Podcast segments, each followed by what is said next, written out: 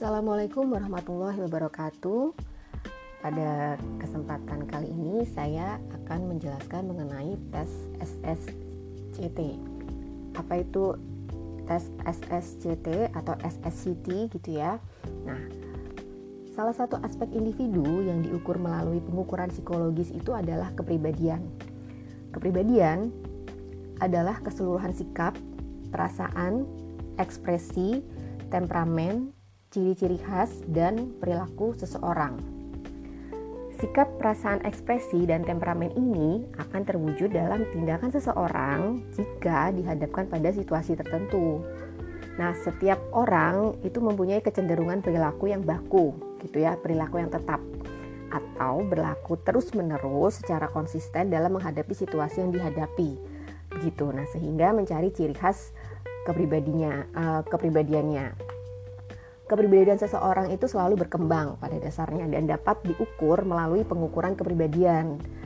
Kepribadian seorang individu akan menentukan mudah atau tidaknya diterima di lingkungan masyarakat. Nah, jadi di sinilah peran penting adanya tes kepribadian. Nah, di dalam tes kepribadian itu terdapat dua macam. Terdapat dua macam tes kepribadian Ya, yaitu yang pertama tes proyektif dan yang kedua adalah tes objektif.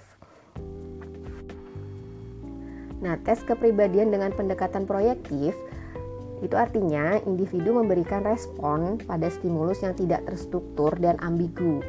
Sehingga diharapkan dengan menggunakan tes proyektif, individu secara tidak sadar itu akan mengungkapkan, menggambarkan struktur atau sikap lalu karakteristik kepribadian, motivasi dan keyakinan-keyakinan yang dimilikinya gitu. Nah, sex sentence completion test atau apa SSCT atau SSCT ini adalah salah satu jenis tes proyeksi yang digunakan untuk mengungkap dinamika kepribadian seseorang yang dapat menampakkan diri individu dalam hubungan interpersonal dan dalam interpretasi terhadap lingkungannya. Nah, jadi pada tes SSCT ini, seseorang atau responden atau testi itu diminta untuk melengkapi kalimat-kalimat yang berjumlah 60 nomor. Lalu setelah uh, ini diselesaikan, tes ini diselesaikan, setelah dikerjakan oleh oleh responden gitu ya atau oleh testi, maka hasil tes tidak bisa langsung diketahui gitu. Jadi uh, psikolog terlebih dahulu harus membaca kalimat pelengkap atau jawaban dari tiap item lalu mengelompokkan rumpun item itu, kemudian melakukan interpretasi. Nah, selanjutnya menentukan kesimpulan dari kalimat pelengkap tersebut untuk menentukan skor yang akan diberikan. Jadi, skor dari kalimat pelengkap tes akan menentukan sikap yang dimiliki oleh responden. Gitu ya. Nah, lalu proses pelaksanaan tesnya sampai didapatkan hasil tes itu membutuhkan waktu yang cukup panjang gitu. Jadi uh, jika semakin banyak responden, misalkan uh, peserta tesnya banyak, itu maka semakin lama juga waktu yang dibutuhkan oleh psikolog dalam melakukan analisa kesimpulan dan menentukan hasil dari tes gitu. Nah, kajian yang menarik ini nanti bisa kita cobakan ya gitu. Lalu selanjutnya pada uh, slide yang ketiga, di sini saya menjelaskan mengenai asal usul tes SSCT ya di slide ada. Tes SSCT ini dibuat oleh Joseph M. Sachs dan Sidney Levy serta beberapa psikolog lainnya dari New York Veterans Administration Mental Hygiene Service. Nah, tes SSCT ini merupakan salah satu dari tes proyektif yang bertujuan untuk melihat bagaimana penyesuaian diri subjek dan di mana kesulitannya. Seperti yang sudah saya jelaskan sebelumnya, begitu ya. Jika mengetahui mengenai kesulitannya, kesulitan individu, gitu maka kita akan lebih mudah untuk memberikan treatment karena lebih sesuai dan lebih terfokus terhadap permasalahannya. Gitu. Nah, tes ini berbentuk kalimat-kalimat yang tidak sempurna Tadi juga sudah saya jelaskan ya, yang harus dilengkapi oleh testi sehingga menjadi kalimat yang utuh. Nah ini e, dalam teknik proyektif disebut sebagai completion test gitu. Tas e, e, apa tugas dalam melengkapi kalimat.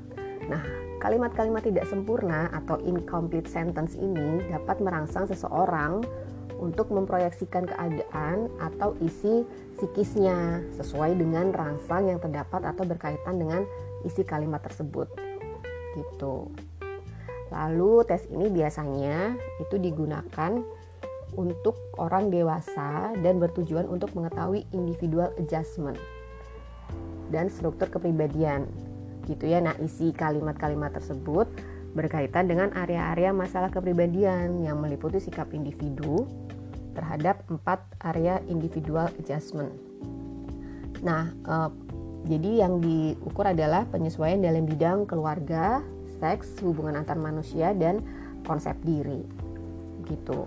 Nah, asesmen kepribadian ini melalui proyeksi sikap individu terdapat eh, sikap individu terhadap masalah tersebut nantinya akan memperoleh yang pertama gambaran sikap individu terhadap hal-hal yang penting yang berkaitan dengan adjustment dirinya atau bisa dikatakan hubungan masing-masing sikapnya begitu ya. Lalu yang kedua, gambaran keadaan psikis dalam dirinya atau kepribadiannya. Di sini maksudnya adalah kemampuan berpikir terhadap realita, keadaan emosi, cara menyelesaikan konflik begitu ya. Lalu yang ketiga, gambaran konflik atau masalah-masalah yang dialami itu menyangkut penyesuaian diri atau disebut juga sebagai individual adjustment gitu.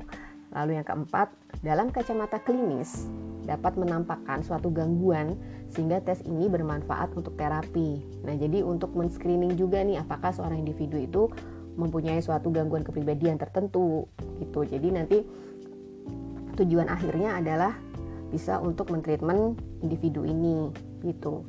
Lalu yang kelima, SSCT ini dapat digunakan sebagai bahan awal untuk suatu wawancara eksploratif lebih dalam jadi kita bisa mengeksplor lebih dalam mengenai kepribadian seseorang gitu. Karena jika waktunya cukup, kita juga bisa menanyakan item per itemnya nantinya. Jadi uh, item per itemnya itu bisa digali lebih lebih dalam lagi gitu. Lalu yang keenam, konstruksi tes ini terdiri dari 60 item. Nah, aspek yang diukur apa aja? Nah, aspek yang diukur itu ada empat ada pada slide ketujuh ya.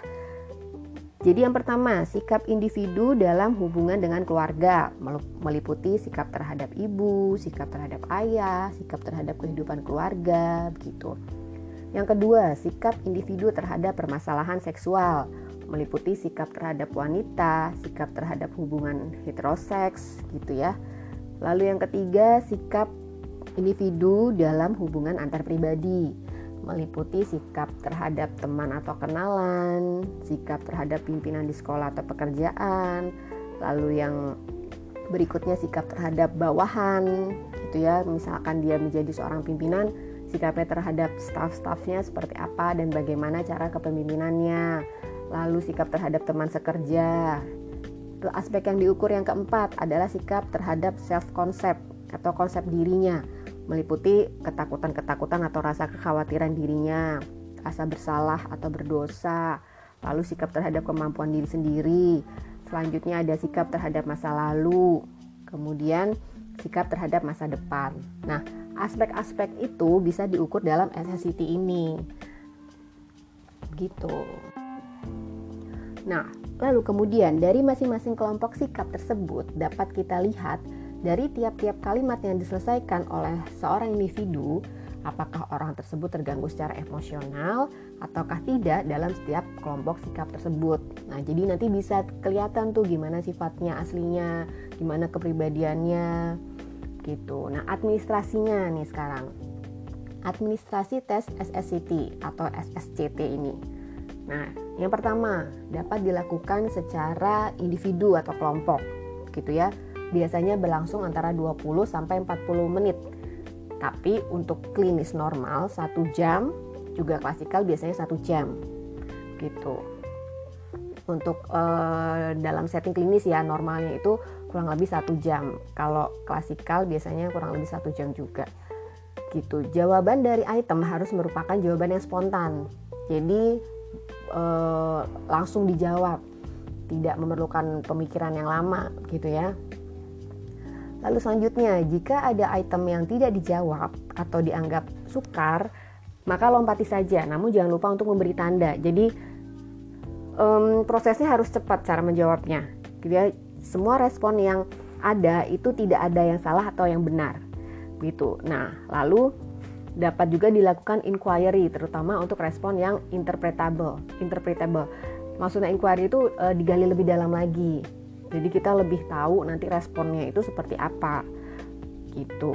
Selanjutnya dalam administrasi SSCT ini kadang-kadang testi menggunakan tes ini sebagai media untuk katarsis. Katarsis itu mengungkapkan hal-hal yang suka diungkap secara verbal gitu. Nah, instruksi tes SSCT ini uh, seperti ini. Jadi seorang tester mengatakan di bawah ini terdapat 60 kalimat merupakan kalimat yang masih harus diselesaikan. Bacalah tiap-tiap kalimat dan selesaikan dengan mengisi sesuai pikiran yang muncul. Pikiran yang muncul pertama kali setelah membaca permulaan kalimat tersebut. Lalu kemudian bekerjalah secepat mungkin Bila ada beberapa kalimat yang tidak dapat diselesaikan, berilah tanda lingkaran pada nomor kalimat tersebut dan tinjaulah kembali. Gitu ya. Nah, selain itu, tes SSCT ini mempunyai keterbatasan. Yang pertama, tes ini sulit dipakai bagi orang yang memiliki, yang memiliki hambatan untuk memahami kalimat, apalagi bagi orang yang tidak bisa membaca. Gitu. Yang kedua, tes ini menyulitkan bagi orang yang tidak memiliki pendidikan yang cukup. Ya karena kurang kurang adanya pengetahuan itu lalu dalam memahami persoalan pada tiap-tiap item soalnya juga nanti akan kesulitan gitu ya. Lalu yang ketiga, tes ini sangat dipengaruhi oleh social expectation atau social desirability gitu. Duh, belibet jadi ngomongnya Ya, jadi untuk menguranginya, subjek diminta untuk bereaksi secara spontan gitu dalam menuliskan jawaban gitu. Jadi e, begitu baca soalnya langsung dikerjakan gitu ya. Nah, e, pada kesempatan ini kalian bisa nanti mencoba tes SSCT-nya, nanti akan saya bagikan gitu ya. Langsung dicoba. Baik, terima kasih. Sekian ulasan dari saya. Semoga bermanfaat. Jika ada yang kurang berkenan, saya mohon maaf. Wassalamualaikum warahmatullahi wabarakatuh.